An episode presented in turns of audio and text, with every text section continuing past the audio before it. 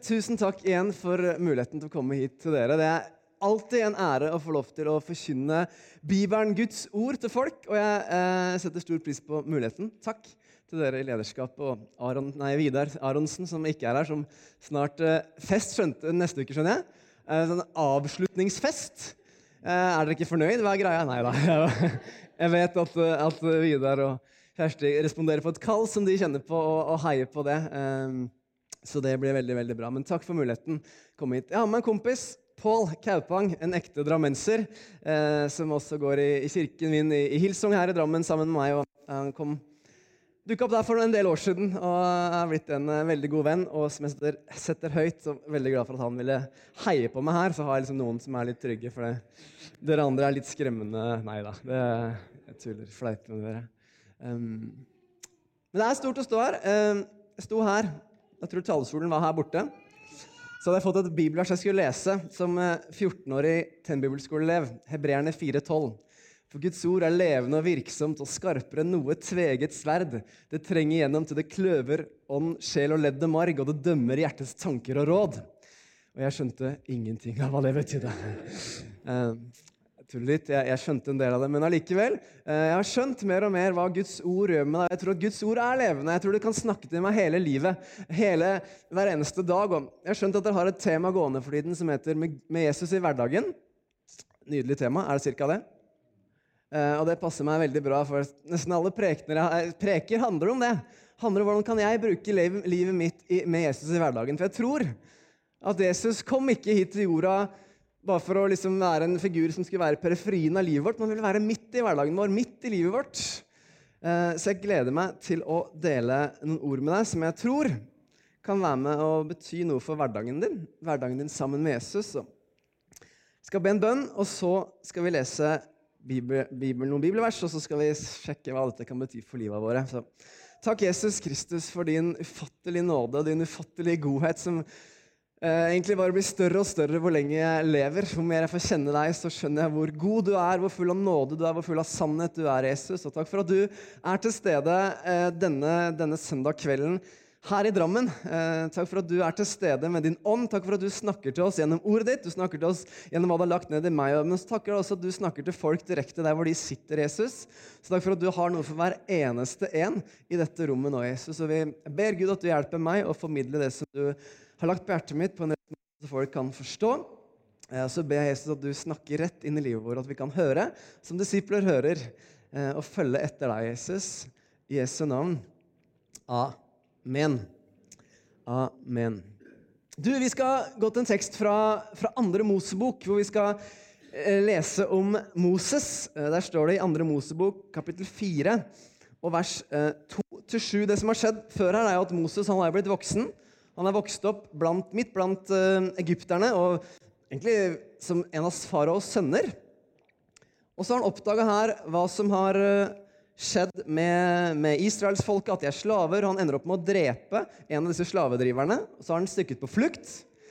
Og her er vi inne i historien i 2. Mosebok 4, hvor Gud kaller Moses til å reise tilbake til Egypt og føre folket ut fra Egypt. Så vi leser sammen jeg skal lese, om du kan følge med. Eh, fra 2. Mosebok 4, vers 2 til og med 7. Her har Gud utfordret Moses. Moses svarte, men sett at de ikke tror meg og ikke hører på meg, men sier, 'Herren har ikke vist seg for deg.' Herren sa til ham, 'Hva har du i hånda?' En stav, svarte han. 'Kast den på jorden', sa han. Og Moses kastet den på jorden. Da ble staven til en slange, og Moses flyktet for den. Herren sa til Moses, 'Rekk ut hånden og grip den i halen.' Så rakte han den rakte han ut hånden og grep den, og den ble til en stav i hånden hans. Dette er for at de skal tro at Herren, fedrenes Gud, Abrahams Gud, Isaks Gud og Jakobs Gud har vist seg for deg. Og Herren fortsatte. Stikk hånden inn på brystet. Han stakk hånden inn på brystet og dro den ut igjen. Og se, hånden hadde fått hvite flekker lik snø, altså spedalskhet. Da sa Herren, stikk hånden inn på brystet igjen. Moses stakk hånden inn på brystet, og han dro den ut. Og se, huden var blitt som før igjen. Hvordan kan dette snakke til oss i dag? Hvordan kan dette handle om Jesus i hverdagen? Jeg tror jeg har kommet for å stille deg et spørsmål som jeg håper du kan ta med deg. og det er følgende Hva har du i hånda? Hva har du i hånda som du kan bruke? Hva har Gud gitt deg som du kan bidra med? Og du kanskje av ulike grunner sier Hvem er vel jeg, Gud? Hvem er jeg, sånn som Moses? Hva kan jeg gjøre? Og Det fins drøssevis av grunner til at jeg har sagt mange ganger Hvem er vel jeg? Og jeg tipper at hvis du er litt som meg, så fins det mange grunner til at du har gjort det samme. Og jeg har lyst til at Vi skal gå inn på to ting som jeg tror er kanskje en av de viktigste tingene som holder oss tilbake fra å si vet du hva, Gud, dette har jeg, dette vil jeg bruke. Vi skal snakke om to av de, og du kunne sikkert komme på mange flere. Men la oss ta for oss to først. Den første jeg vil snakke om, er frykt. Jeg tror frykt holder oss tilbake. Har noen vært skikkelig redd? Sånn skikkelig, skikkelig redd, og det regner med at du har. Da. Jeg har vært skikkelig redd flere ganger, men første gangen jeg husker at jeg var skikkelig redd, da var jeg syv år gammel. Dette var på Gullaug i Holmestrand, for der jeg vokste opp, og der vi bodde. Vi gikk inn i skogen med kompiser og vi lette etter salamandere og frosker og samla det i bøtter og hadde det veldig stas. Men så plutselig så hørte vi en mopedlyd. Og en mopedlyd det betydde én ting når jeg var syv år på Gullaug. Det betydde Gullaug-gjengen. Og Gullaug-gjengen de skulle ikke tulle med. For Gullaug-gjengen det var en gjeng ungdommer som kjørte rundt på moped. De stjerte, og vi hadde til og med rykter om at de banka barn. Det var bare rykter, men vi var fryktelig fryktelig redde. Så vi løper opp i skogen og gjemmer oss og setter oss på huk. Og mopedlyden kommer nærmere og nærmere og nærmere.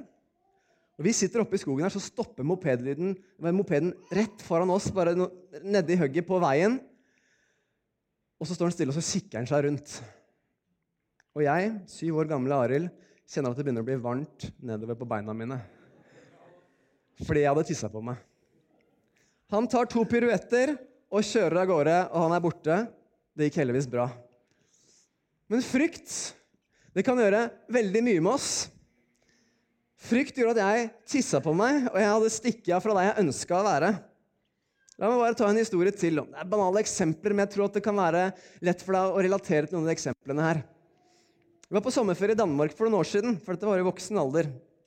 Og jeg trodde at jeg ikke hadde klaustrofobi lenger. At jeg trodde ikke jeg var redd for små, trange rom. men på en innsjø i Danmark så var det en stor ball som man kan gå inn i. Har du sett sånne? Så man kan gå inn i, og så kan man gå inn i baller ute på vann.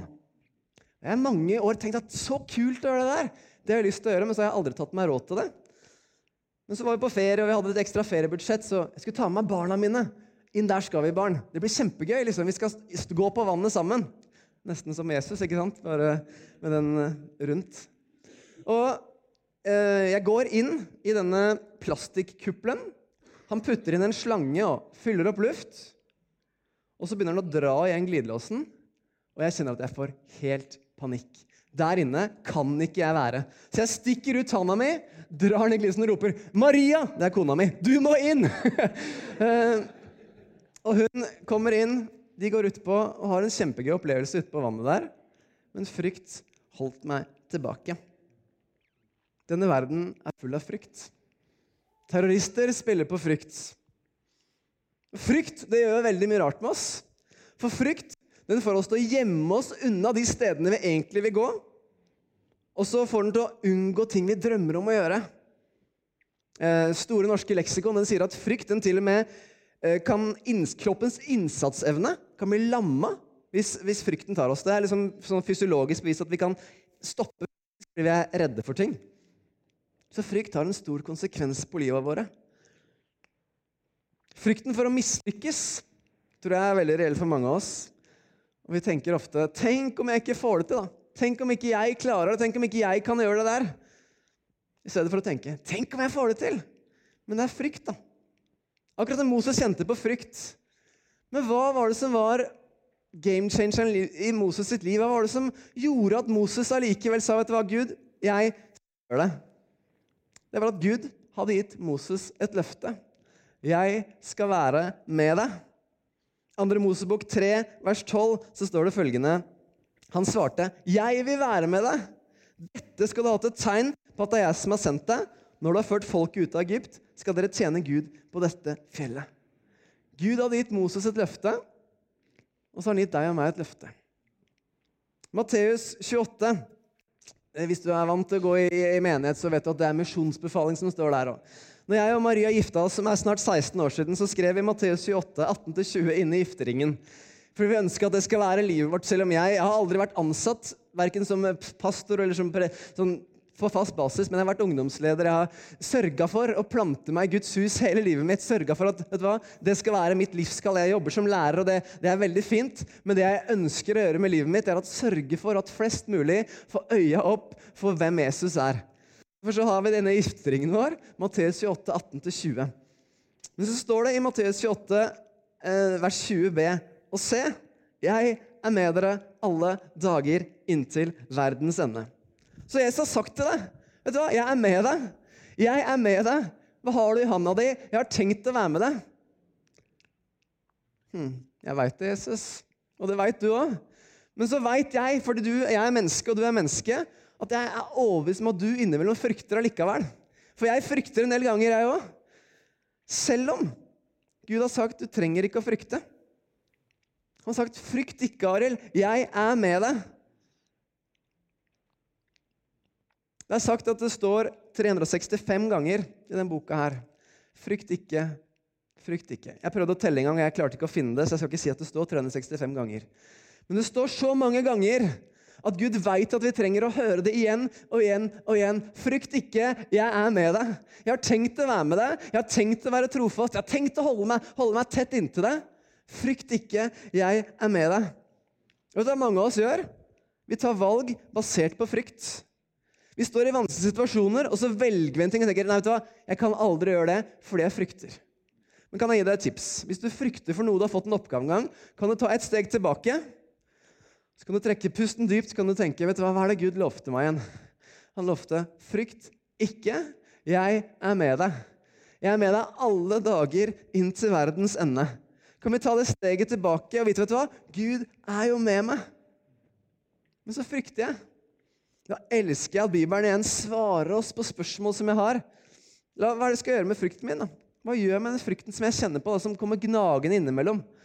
Så står det i Filipperne 4, og vers 6 og 7 så står det følgende Vær ikke bekymra for noe. Vær ikke bekymra for noe, men legg alt dere har på hjertet, fram for Gud. Ok, hva kan jeg gjøre med frykten min? Jeg kan legge den fram for Gud. Jeg kan si, 'Gud, du kjenner meg ut og inn. Du kjenner livet mitt, du veit hvem jeg er. Her har du frykten min. Kan du hjelpe meg med den? Kan du hjelpe meg med frykten min? Be og kall på Han med takk. Så står det Og Guds fred, som overgår all forstand, skal bevare Det der er en bibelapp, så det er helt i orden. Eh, den lyden der. Det er en sånn bibelapp for barn, så det er helt Du har tillit. Eh, jeg har den hjemme. Og Guds fred, hør her, da. Og Guds fred, som overgår all forstand, skal bevare deres hjerter og tanker i Kristus Jesus. Jeg har levd lenge nok til å vite at omstendighetene mine alltid ikke sier fred. Ting som skjer rundt meg, sier ikke alltid fred.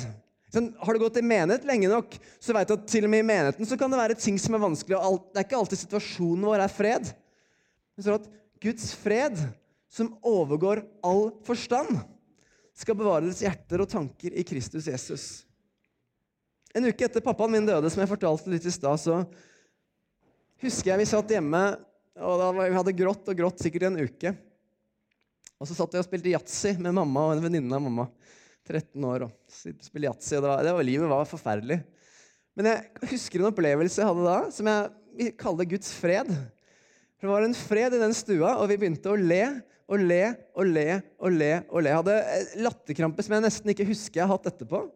Det var en uke siden pappa døde, men jeg opplevde det som Guds fred, for jeg trengte å le. Det overgår all forstand, alle tanker, alt som egentlig logisk kan tenke seg. Så er det Guds fred. Så frykt ikke. Hva er det du har i handa di? Hva er det du har i handa di som du kan bruke? Som du kan si, vet du hva, Gud, dette er det jeg har. Det som til slutt overbeviser Moses, for selv om Moses, Gud har sagt til Moses jeg er med deg, Moses, så, så er Moses ganske motvillig. Han kommer med argumenter som at 'jeg kan ikke prate'. og Til slutt så ordner det Gud det òg. Han sender en annen mann som må hjelpe ham. Eh, men det som overbeviser Moses, det er noen erfaringer Moses gjør. Og De leste vi da, var egentlig ganske rare historier, men det sto at Moses hadde en stav i hånda si. Og så gjorde Gud no Moses noen erfaringer med den staven. Han sa at 'kast den fra deg', og så ble det en slange. Som vi leste det. Helt merkelig. Så får den beskjed om å ta handa på brystet, og så blir den spedalsk. Men så gjør, fikser Gud det også. Vet du Hva Hva har du i handa di? Det kan godt være at du tenker vet du hva, jeg har, jeg har opplevd sykdom, jeg har kjent at ting har vært forferdelig, det har vært et vanskelig liv for meg. Vet du hva? Kanskje det er akkurat det du har i handa di. Kanskje du akkurat kan si at vet du hva? livet har ikke vært lett med meg, men jeg vet at Gud han har vært trofast. Kanskje din historie kan være det du har i handa di, som du kan være med å bidra med. Kanskje du kan si til noen vet du hva? jeg har opplevd sykdom, men Gud har vist seg trofast allikevel midt i det. Vet du hva jeg er overbevist om? Er at Det du og jeg har opplevd, som har gjort at du er her du er i dag, det er noe du har i handa di, som du kan bruke. Som du kan bruke for å sørge for at flere og flere får høre om hvem Jesus er. Hvis fortida di ikke har drept deg, og det har den ikke ennå, siden du sitter her, så tror jeg fortida di kan være noe du kan bruke for å peke folk i retning av Jesus. Jeg tror ikke poenget i denne historien er at Moses hadde en stokk. Jeg tror det Gud egentlig utfordrer Moses på, er hvor er hjertet ditt, Moses? Er du villig til å si ja til det jeg har kalt deg til? Er du villig til å gå dit jeg ber deg gå? Er du villig til å ta de sjansene selv om du kanskje frykter? Er du villig, Moses? Hva har du i handa di? Og Moses han endte opp med å være villig. Så var det Men det er jo ikke egentlig hva du har i handa som er det viktigste spørsmålet. Det er hva har du tenkt å bruke det til? Hva har du tenkt å gjøre med det? Den andre tingen som jeg tror holder oss tilbake, det er sammenligning. Sammenligning eh, det bunner også egentlig i frykt. Det begynner også egentlig frykt. Jeg hørte en gang en som heter Cregger Shell, som, som er en, preken, en predikant fra USA. Jeg skal ikke alltid høre på predikanter fra USA, men, men allikevel. Han sa følgende The fastest way to kill something special is to compare it to something else. Where comparison begins, contentment ends. Så får du på norsk. Den raskeste måten å drepe noe spesielt er å sammenligne det med noe annet. Når sammenligning begynner, stopper tilfredsstillelse. Hvis jeg skulle begynt å sammenligne meg med alle andre hele tida Og det, vi gjør jo stadig vekk det. Samfunnet vårt er, det, eh, er, jo bygd opp på sammenligning. Jeg jobber i Hokksund, og der er det noe som heter Harakollen. Hvor de har et boligfelt om dagen hvor de bygger masse flotte boliger. Og jeg hørte en historie om noen som hadde bygd en uh, ganske fin bolig. og De hadde to ganske like boliger ved siden av hverandre. Og da hadde Den ene naboen hadde bygd heis fra hovedetasjen ned til kjelleren. Hva tror du de andre måtte gjøre da? De måtte gjøre det samme. De ville også ha heis fra sin etasje ned til kjelleren. Og Gud velsigne deg hvis det var du som hadde den heisen. Uh, men sammenligning gjør at vi strekker oss etter ting som egentlig er helt tullete fordi vi ikke er takknemlige for det vi er, det vi har fått i vår hånd. Håkon sa i stad man følte meg litt som en null. Så det er veldig lett å gjøre det. Går i den fella hele tida. Hver gang jeg skal gå på en prekestol, så kan jeg begynne å tenke åh, han hadde gjort det sikkert mye bedre. Bare i dette rommet så sitter folk som jeg har sett opp til i årrekker i det å forkynne. Så jeg syns det er skummelt av den grunn å stå her, for det er så lett å sammenligne med. Men vet du hva? Jeg har tenkt til og bestemt meg for en ting. vet du hva? Jeg har fått noe i handa mi. Det har jeg tenkt til å bruke. Det har jeg tenkt til å bruke så godt jeg kan. Så godt jeg kan, så har jeg lyst til å ha et ville hjerte og si, vet du hva? Greit, jeg kan, innimellom så kommer de tankene om sammenligning, men jeg har ikke tenkt å gå den veien. Min nabo, gamle nabo, han er død nå dessverre, men eh, de hadde en fantastisk gresslette. Veldig, veldig flott hage. For de hadde en gartner som kom der og stelte stadig vekk. Ja. Hvis jeg skulle begynne å se på min hage hvor barn spilte fotball, og, og brune flekker og litt sånn greier her, så kunne det jo ganske trist syn. For han hadde så innmari fin, han hage. Men vet du hva, jeg skjønte da jeg begynte å tenke på den stunden, vet du hva, jeg vil heller ha en hage som har noen brune flekker som blir brukt, hvor det er aktivitet, hvor det er liv, hvor det er mennesker, enn at ting skal se perfekt ut. Og vet du hva, Jeg vil heller ha et liv hvor kanskje jeg gjør noen dumme ting, men hvor jeg kanskje innimellom sier noen dumme ting, enn å prøve å leve et perfekt fasade hvor alle tenker Oi, han der er så perfekt, han. Jeg vil heller bruke livet mitt og gå på noen smeller og gjøre noen dumme ting enn å tenke at nei, jeg tør ikke å gjøre det, fordi at tenk om det er sånn, eller tenk om det ikke er sånn. Det er best det bare er på sidelinja, så slipper folk å tenke noe om meg. Så slipper jeg å sammenligne meg. Det er så mye enklere. Moses han sa til Gud, 'Hvem er jeg?' Og det tror jeg du og jeg også ofte sier. Så sa Gud til Moses, som jeg sa i stad, 'Hva har du i hånda?' Og så sa han, 'Jeg er med deg'. Veldig ofte så tror jeg vi i vår verden vi, vi lever her og tenker at hvis jeg skal gjøre noe spesielt for Gud, så må det være, da må han si noe spesielt til meg. Da, da må jeg vente på å få noe nytt spesielt, eller da må det være noe spesielt som skjer, skjer meg. Men vet du hva? Jeg tror han spør deg igjen og igjen hvis du spør om, om hva du skal gjøre med livet ditt. Spør han, hva har du i handa di? At vi må bruke det vi allerede har. Jeg skal lese en historie sammen fra, fra Johannes evangeliet som jeg syns er helt, helt nydelig. Johannes evangelium kapittel 6 og vers 2, og vi skal lese helt til 13. Johannes evangelium kapittel 6, vers 2 og til og med 13. En stor folkemengde fulgte etter, etter han, fordi de så tegnene han gjorde da han helbredet til syke. Jesus gikk opp i fjellet, og der satte han seg med disiplene sine. Påsken, jødenes høytid, var nær. Jesus løftet blikket og så at en stor folkemenne kom til ham. Han sa da til Philip, 'Hvor skal vi kjøpe brød, så alle disse kan få spise?' Dette sa han for å prøve ham, for han selv visste hva han ville gjøre. Philip svarte, 'Brød for 200 denarer er ikke nok til at hver av dem skal kunne få et lite stykke.' En annen av disiplene, Andreas, bror til Simon Peter, sa da til ham, eh, 'Jesus, det er en liten gutt her.' Jeg tipper at Andreas var ikke veldig høy i hatten når han kom med det her, men, men det er en gutt her. Han har fem byggbrød og to fisker. Men hva er vel det til så mange? Da sa Jesus, 'La folket sette seg.' Det var mye gress på stedet, og de satte seg ned. Det var omkring 5000 mann. Da tok Jesus brødene, ba takkebønnen og delte ut til dem som satt der. På samme måte delte han ut av fiskene, så mye de ville ha. Da de var blitt mette, sa han til disiplene.: Samle sammen stykkene som er til overs, slik at ikke noe går til spille. De gjorde det, og etter måltidet fylte de tolv kurver, kurver med stykker som er blitt igjen av de fem byggbrødene. En liten parentes, Jeg er veldig glad for at, det var bare brød igjen, og ikke masse sånn fiskerester. Det er jo, Gud er god sånn på den måten. Um, Tenk deg alt det. Men ja, nok om det. Men noen ganger kan det se ut som om det du og jeg har, er ganske lite. Det kan føles lite. Det kan føles som Hvem er vel egentlig jeg, da? Se på han, han predikanten der, han er så flink. Eller de der lager så innmari god mat. Eller det er så koselig hjemme hos de. Og de alle vil sikkert besøke de. Men når du og jeg sørger for vet du hva? dette er det jeg har, Jesus, så kan det lille som du tror du har, det kan bli ganske mye. Hvis vi stopper å sammenligne oss og tenke at men de har vel noe bedre, de har vel noe som er større, de har vel noe som, som funker bedre. Når vi sier ja til å si vet du hva, Jesus, dette er det jeg har, dette vil jeg gi, så tror jeg uante ting kan skje. I mange flere evangeliene i Bibelen så forteller Jesus en lignelse om noen talenter. Um, som en herre hadde gitt noen tjenere for at de skulle forvalte de talentene sine. De tre tjenerne de får ulike mengder talenter, og du kan veldig gjerne lese hele lignelsen i Matteus 25. Men jeg skal bare lese et lite utdrag. For, på grunn av tiden så skal jeg bare lese et lite utdrag. Matteus 25, 21 kan vi lese sammen. Her står det følgende Matteus 25, 21. Bra, du gode og tro tjener. Du har vært tro i lite. Jeg vil sette deg over mye. Kom inn til gleden hos min Herre. Du har vært tro i lite. Jeg vil sette deg over mye. Vet du hva? Den eneste måten du kan tenke på at Gud skal sette deg over noe mer, er at du og jeg er tro i det som Gud har satt oss over der vi er i dag. Den eneste måten hvor vi kan tenke at vi skal gjøre noe stort for Gud, i anførselstegn, på den måten. For mange tenker at skal man gjøre noe for Gud, så er jo det fra en plattform. eller Da må man bli predikant eller sanger eller noen som snakker.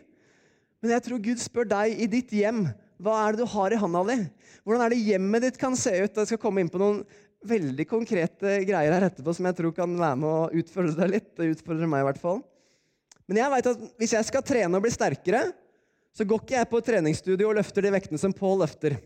No chance in the world. For Paul han, er, han har løfta mye vekter. Men jeg må begynne med noen litt mindre vekter og ta litt litt om gangen, og så neste gang, og neste gang kanskje jeg kan bli sterkere og sterkere. Men Gud han vil sørge for at hvis jeg tror i det lille, så veit også Gud at da kan han sette meg over større. Da kan han tiltrå meg mer ting. Hvis du kan starte å være trofast med det du har fått i handa di i dag, så tror jeg kan store ting skje. For vet Du hva? Du og jeg er ikke ansvarlig for noe annet enn det som vi har fått. Jeg er ikke ansvarlig for hva Pål har fått, det er Pål ansvarlig for sjøl. Men jeg er ansvarlig overfor Gud med hva han har gitt i mine hender.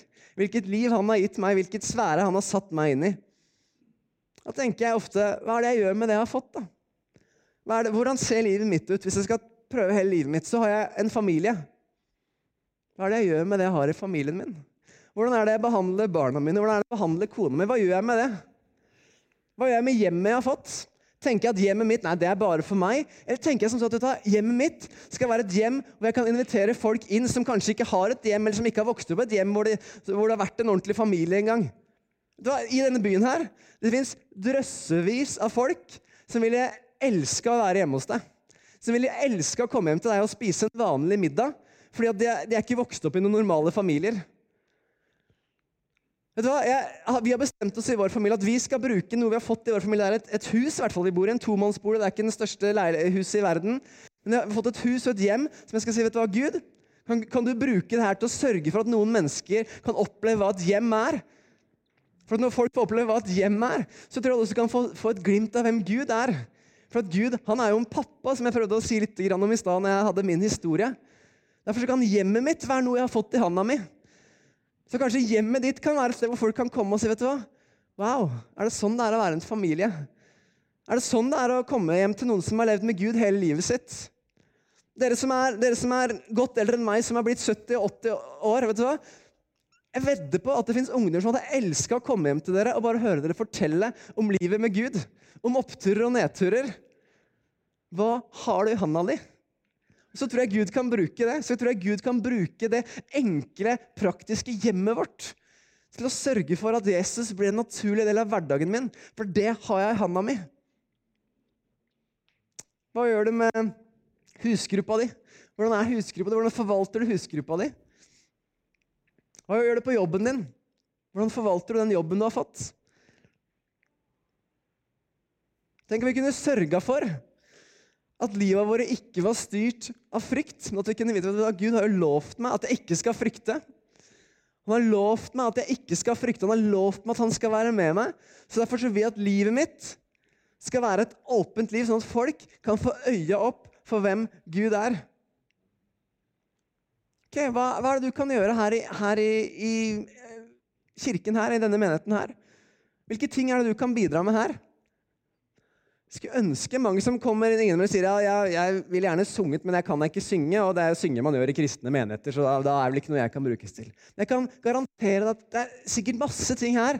Hvis du har et villig hjerte, så er det garantert mye som du kunne bidratt med. Som du kunne vært med på å gjøre. Hva har du i handa di? Og hva har du i handa di? Spørsmålet til Moses var mer enn den stokken. Det var hva har du i hjertet ditt, Moses? Hva har du i hjertet ditt? Hvor er det du vil? Hva vil du med det jeg har lagt foran deg nå? Hvordan skal du respondere med det du har fått? Så hvordan har du tenkt å respondere med det du har fått i livet ditt? Vet du hva jeg syns det aller vakreste jeg vet, det er når mennesker får lov til å blomstre inn i det Gud har for dem. Det er det, det er det, vakreste jeg vet. Og det kan spilles ut på så mange måter. Men jeg tror det er usannsynlig viktig at vi som er etterfølgere av Jesus i dag, vi som, vi som, sier at vi tror på han, at vi tar ham på alvor. da. At vi ikke bare er kristne når vi kommer hit på en søndag og uh, synger noen fine kristne sanger og har et godt kristent miljø. Men tenk, vet du hva? Denne byen her er full av folk som ikke tror på en gud og hvis de tenker at det fins en gud, så tenker de ofte at han må være en gud som, som er ute etter å ta oss. For jeg har møtt mange kristne som har stått med en pekefinger og bare sagt hvor ille verden er. Hvor ille alt mulig greier er. Mens vi kan sørge for at det jeg har i hendene mine, det skal jeg bruke. Jeg skal ta hjemmet mitt, og så skal jeg gjøre sånn at folk som kommer til hjemmet mitt, kan oppleve at Gud han er en sjenerøs Gud. fordi at de folka som tror på Jesus, de som følger etter Jesus, de lever jo sjenerøse liv. Vet du hva? Jeg drømmer om at livet mitt skal peke i en retning av Jesus, sånn at folk som ennå ikke tror, kan begynne å tro fordi at de har fått sett noe av hva det kan være å følge etter Jesus. Fordi at frykt ikke skal holde meg igjen. Fordi at sammenligning ikke skal holde meg igjen. Så hvilke ting har du i hånda di? Hva skal stoppe deg for å bruke det? Er det frykt? Er det at du sammenligner og tenker at nei, De har så veldig flott hus. Kan ikke bare de ta seg og invitere folk? Ikke bare de, de fikser det nå? Nå er jeg veldig på praktisk plan med, med, med livet mitt. Men jeg tror at hvis vi er kalt til å være etterfølgere av Jesus, så handla det om mandagen og tirsdagen og onsdagen og torsdagen og fredagen og lørdagen og søndagen. Jeg må bare ta en kort historie fra, fra, fra, fra Hillsong i kirken som jeg går i her i Drammen. Forrige søndag så dukka det opp en familie som kom inn dørene. Eh, og de, jeg skjønte ganske sånn fort at disse har ikke vært der før. de kjenner ingen, Så jeg tenkte ok, jeg skal gi den beste, beste opplevelsen jeg kan ha å komme til kirken. Så jeg sa hei til de, sa hva jeg het, viste litt rundt på kids-tilbud vi har, og hva de kunne gjøre. Så snakka jeg med og spurte hvor hørte dere om, om Hillsong. Hvordan havna dere her? Og så sa hun noe veldig fascinerende. Nei, vi kjenner ingen, men for et og et halvt år siden så var jeg på nyfødtintensiven. Og der var det ei dame som gikk, gikk, i den kirken her, så øh, derfor kommer vi nå. Ett og et halvt år etterpå så husker hun fortsatt en person i vår kirke som på jobben sin hadde bare fortalt at hun gikk i en kirke i byen, eh, denne byen som, som het Hillsong, eller intro het den da, heter den Hillsong. Men det, for meg så sier det så mye om hva ditt, din, du kan gjøre på jobben din. Hvis vi kan sørge for å tørre å leve litt transparente liv For det er ingen som forventer at selv om du tror på Jesus, at du skal leve et perfekt liv. Det er ingen som forventer at stua di skal være perfekt selv om du skal komme på besøk. Jeg kan leve et åpent liv. Jeg kan tenke, legge vekk frykt. hva? Jeg har ikke lyst til å la frykt styre meg. Jeg har ikke lyst til å, å la den frykten for å mislykkes styre meg. Eller tenke at nei, tenk om ikke de vil komme til meg. Ja. Tenk om ikke de syns det er så stas. Jeg har ikke tenkt å la sammenligning stoppe meg, men jeg vil si, vet du hva, Jesus, dette er det jeg har. Dette er det jeg har i hendene mine. Det føles litt lite noen ganger, men jeg har tenkt å bruke det. Jeg har tenkt til å bruke hverdagslivet, jeg har tenkt å bruke jobben min på å peke på Han. Jeg er overbevist om at de aller fleste som kommer til å tro her, de, de kommer ikke bare inn av noen av liksom, overnaturlige årsaker. Noen gjør nok også det. Men de aller fleste kommer fordi de allerede kjenner noen som trodde fra før som kjenner noen som hadde en opplevelse av Gud, og som, som fortalte det sin historie. Og jeg tror at det sterkeste du har i handa di, det er livet ditt. Det er din historie med Gud. Den er sikkert ikke perfekt, den er sikkert ikke fullkommen, for det er ikke livet ditt, men det er din historie. Og din historie den kan ingen gjøre noe med. Det, det er din opplevelse. Og da kan du si, vet du hva?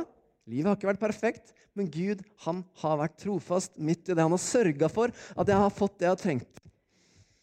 Så Elvebyen familiekirke. Kan vi ikke i uka som kommer, tenke ok, dette er livet mitt, Gud. Dette er det jeg har gitt i handa mi. Og jeg har tenkt å gi, gi, gi deg alt. Midt i det skal jeg avslutte med et, et vers fra Romerbrevet kapittel 8, vers 31 og 32, som Paulus skriver. om. Det ble fortalt her tidligere at pappa når han var ung, så pleide ungdommen å kalle ham Paulus, for han alltid refererte til Paulus. Uh, og det vil jeg si er en, en, god legacy. Det er en god arv å ta med seg. Uh, la meg bli en som refererer til Paulus. Men jeg sier Paulus i Romerevet 8, 31 og 32. Hva skal vi si til det her, da? Er Gud for oss? Hvem er da imot oss? Han som ikke sparte sin egen sønn, men ga ham for oss alle? Kan han gjøre noe annet enn å gi oss alt sammen med han? Hva skal vi si til det her? Er Gud for oss? Hvem er da imot oss? Vet du, hva Er Gud for deg på arbeidsplassen din? Hvem kan egentlig da være imot deg? Hva er det vi egentlig frykter? Hva er det jeg egentlig frykter? For Det er egentlig ingenting jeg trenger å frykte, for Gud har sagt 'Jeg er med deg, Arild'. 'Jeg er med deg, Håkon'. 'Jeg er med deg, Pål'. 'Jeg er med deg, Arild'. Han har tenkt å være med deg. Hva skal vi si til dette? Er Gud for oss? Hvem er da imot Så Kan jeg be oss om å reise oss på føttene våre? Og så vil jeg be en bønn for livet våre og for livet ditt før jeg bare lar Håkon ta over. Hvordan vi gjør avslutninga.